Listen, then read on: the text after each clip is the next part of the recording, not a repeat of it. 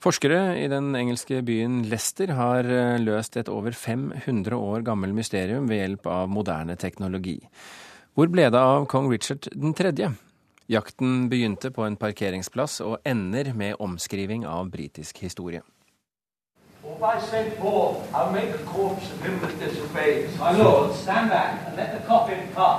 Kong Rikard 3.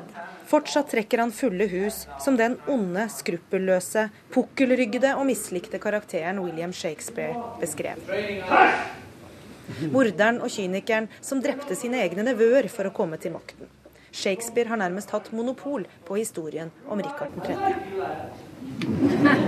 Now that we may be able to set these texts against the archaeological finds, we could end up rewriting a little bit of history men nå må kanskje historien skrives på nytt. Historie- og arkeologiprofessor Linn Foxhall var en av en rekke forskere som i dag presenterte det historiske funnet av kong Rikard 3.s levninger. Et funn som er resultatet av en over 500 år lang jakt. For hvor ble kong Rikard av etter at han døde i kamp i 1485? Men finding the church, let alone a specific burial within a particular part of this building, the choir, Ingen selvfølge at vi skulle finne kirken, ifølge Richard Buckley, hovedarkeologen ved universitetet i Leicester, som i dag kunne kunngjøre å ha løst mysteriet. Ifølge historikerne var det mulig at Englands siste middelalderkonge var blitt kastet på elva etter sitt endelikt, men det var også mulig at han var begravet i en lokal kirke. Men én ting er å finne kirken etter så lang tid. Arkeologene måtte også finne gravplassen, hvis teorien om at han lå der i det hele tatt stemte and discovered evidence for an articulated burial almost immediately in the first five meters of the trench. Vi fant en gravplass nesten med en gang, forteller Buckley. De hadde lokalisert plassen der kirken trolig lå den gang da, under det som i dag er en parkeringsplass. Skjelettet som lå i graven, ga forskerne hakeslepp da det ble funnet i september i fjor. The next slide that I'm going to show you is a world first. Bildene av levningene ble vist fram for et stort pressekorps i dag, og viser med all tydelighet en misformet ryggrad og tydelige skader etter kamp. Helt i tråd med historien om Rikard 3. Could we get a sample of DNA to work with? I'm extremely pleased to tell you that we could. I fem måneder har et stort lag av forskere ved universitetet i Leicester undersøkt skjelettet. Det samme universitetet som oppdaget DNA-fotsporene, har brukt nettopp slike for å kunne slå fast med stor grad av sikkerhet at skjelettet tilhører Richard 3. Genetiker Turi King fant DNA-match hos etterkommere av kongeslekten til Richard 3. og skjelettet fra parkeringsplassen. And I can now tell you There is a DNA match between the maternal DNA from the descendants of the family of Richard III and the skeletal remains that we found at the Greyfriars Dig. In short, the DNA evidence points to these being the remains of Richard III. Forskerne har sporet opp etterkommerne både på fars- og morssiden, og det i siste liten. To av de nålevende har ikke barn selv, og var dermed forskernes siste sjanse til å få DNA-treff. Videre har de kunnet slå fast at skjelettet var i slutten av 20- eller 30-årene. Kong Richard døde 32 år gammel. Ti stikkskader vises på benrestene, åtte av dem i hodet. Trolig mistet han hjelmen i kamp og ble drept med stikk mot hodet. Stikkskadene på kroppen er trolig påført etter hans død som en ydmykelse av en omstridt og av mange hatet konge. En historisk dag i historien av Britain en historisk dag for Storbritannia og for Leicester, sier byens stolte ordfører Peter Soulsby, som nå vil gi Rikard 3. en gravplass en konge verdig, nemlig i byens katedral. Rikard får også sitt eget museum 528 år etter sin død. Og kanskje vil vi der få et mer nyansert bilde av en konge som kun regjerte i to år, og som med sin død endte rosenes krig, og som er udødeliggjort av William Shakespeare. Og nå også av moderne teknologi. Det var korrespondent Gry Blekestad Almås som hadde vært på The Globe Theatre i London og sett eh, Richard III, og som fulgte dagens pressekonferanse om levningene etter den eh, samme kongen. Marlen Ferrer, historiker og førsteamanuensis ved Høgskolen i Oslo. Først av alt, Hvem var Rikard 3.? Ja, så Han var jo en uh, konge som uh, døde i et slag. Den siste kongen, visstnok. Og han uh, var konge veldig kort, i bare to år. Først og fremst var han jo en mann av sin tid, altså en konge av sin tid. Han døde og levde i Altså, det var en brutal tidsalder. Og selv i en brutal tidsalder så klarte han å få et dårlig rykte. Ja, og det har nok kanskje å gjøre med at uh, det var huset Tudor som overtok etter, uh, etter at han uh, døde i dette slaget. Og de bedrev rett og slett en svertekampanje, kan man kanskje si. Og så hadde det seg slik at Shakespeare levde jo under, altså mens huset Tudor regjerte. Og han har nok kanskje blitt litt farget av, eh, av eh, det synet på, eh, på, ham, da. Det var kanskje politisk lurt også å ikke provosere kongemakten? Ja, det var det jo selvfølgelig. Men det som er kanskje litt spennende også, Jeg syns jo dette er helt vanvittig kult. At eh, engelskmenn de er så glad i Soria. Jeg tror det er få land i verden hvor dette her blir en sånn kjempenyhetssak.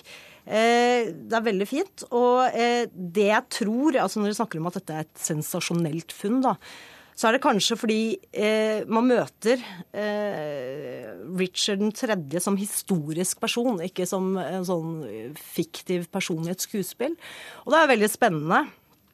Eh, sånn at eh, men, men, det at han eh, ble eh, ydmyket ved, ved gjentatte eh, stikk mot kroppen etter hans død, han ble stappet ned nærmest i et lite hull i et fransiskanerkloster, hva forteller det om, om hvordan han ble kom hjem til Ester etter at han var død? Altså, jeg tenker at dette er kanskje et uttrykk for at det fantes grenser for hva en konge kunne gjøre selv i middelalderen. og det, det, skulle litt til, for å si det sånn. Det er mange tronarvinger som har blitt drept osv. Eh, men altså det er disse to nevøene som eh, forsvant i løse luften eh, etter å ha vært i fangenskap i Tower of London. Som, og man beskyldte ham for å ha gjort det, for å ha drept disse eh, nevøene som var ja, i tiårsalderen. Eh, men det rare er jo at han selv hadde jo også vært i fangenskap som barn. Så det er, dette var jo en tid som var eh, veldig voldelig.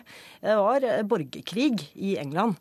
Men, men hva er behovet engelskmennene har for å grave, og ikke minst hele dette enorme prosjektet med å finne ut hvor disse knoklene eventuelt ligger, og så grave dem opp?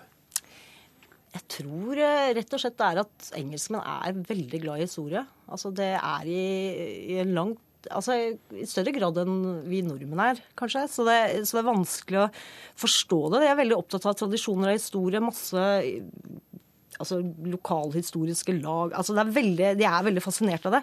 Eh, men vi kan også tenke oss at dette er jo, det er jo spennende. Det er, altså, og jeg tenker Vi hadde jo en sånn sak for noen år siden. Eh, I et naturhistorisk museum stilte ut denne Ida som The Missing Link. Og, og det var liksom en verdenssensasjon, og det var masse presse rundt det. Eh, så kom jo kritikken fra forskerhold om at mm, det er kanskje ikke så sensasjonelt allikevel. Så jeg tenker som funn så er det ikke så, så sensasjonelt, kanskje. Men det er, det er jo veldig spennende å finne liksom en finne eh, levningene etter en konge og så godt bevarte. Det er også en del av, av bildet, da. At, ja. Men er det sånn at uh, disse tingene kan de ha kraft nok til å, å Sånn at man må skrive om historien? Eh, er det bein? Jeg, nei, jeg vet hva. Eh, der tenker jeg at det ikke er tilfellet. Der har jeg litt problemer med å se hva er det som er så sensasjonelt at historien må skrives, øh, altså skrives, om. Det har jeg egentlig ikke. Det har jo vært masse greier i dag, og jeg har ikke helt skjønt hva det er. Uh, men jeg tenker at han har en sånn entusiastisk forening. Det er faktisk en Richard 3.-forening som er veldig opptatt av å renvaske han. Og få fram at han var en mann av sin tid. Han altså, fikk gjennom masse fine ting under sin regjeringstid. Og vi og hørte jo her at det skulle bli et museum sågar. Ja, ja, så det kan være at det er en sånn eh, en forening som er veldig dyktige til å få fram han og, og de sakene. Jeg syns det er fascinerende at, eh, at man har eh, Altså England så har Jeg kan ikke tenke meg at vi i Norge skulle ha en forening for liksom skolejarl, eksempel. Altså, og det Ja, syns jeg er veldig kult. Kanskje Ja. vi får det. Kanskje noen kan la seg inspirere til å starte noen sånne foreninger. Men forteller denne historien der fra England også noe om eh, arkeologiens betydning i eh, historieskrivingen? Ja, altså Ja, det gjør den. Fordi eh, det som er Altså i økende grad så har vi historikere begynt å se mer på på gjenstander, da, etter hvert som eh, ja, De siste årene, faktisk. Vi er jo, jobber jo mest med skriftlige kilder. Men en gjenstand kan jo fortelle utrolig mye. Eh, En levning kan fortelle oss mye om hvordan folk levde, hva slags sykdommer de hadde osv. Men det er kanskje spesielt med altså, Kanskje ikke levninger etter folk som har levd for lenge siden, men primært er det kanskje F.eks. en eh, kaffeskål fra 1700-tallet kan fortelle ganske mye om f.eks. hvor porselenet kom fra. Kom det fra Kina, mon tro? Eh, vanene til folk. Altså det er, gjenstander er litt undervurderte, og de er veldig gode.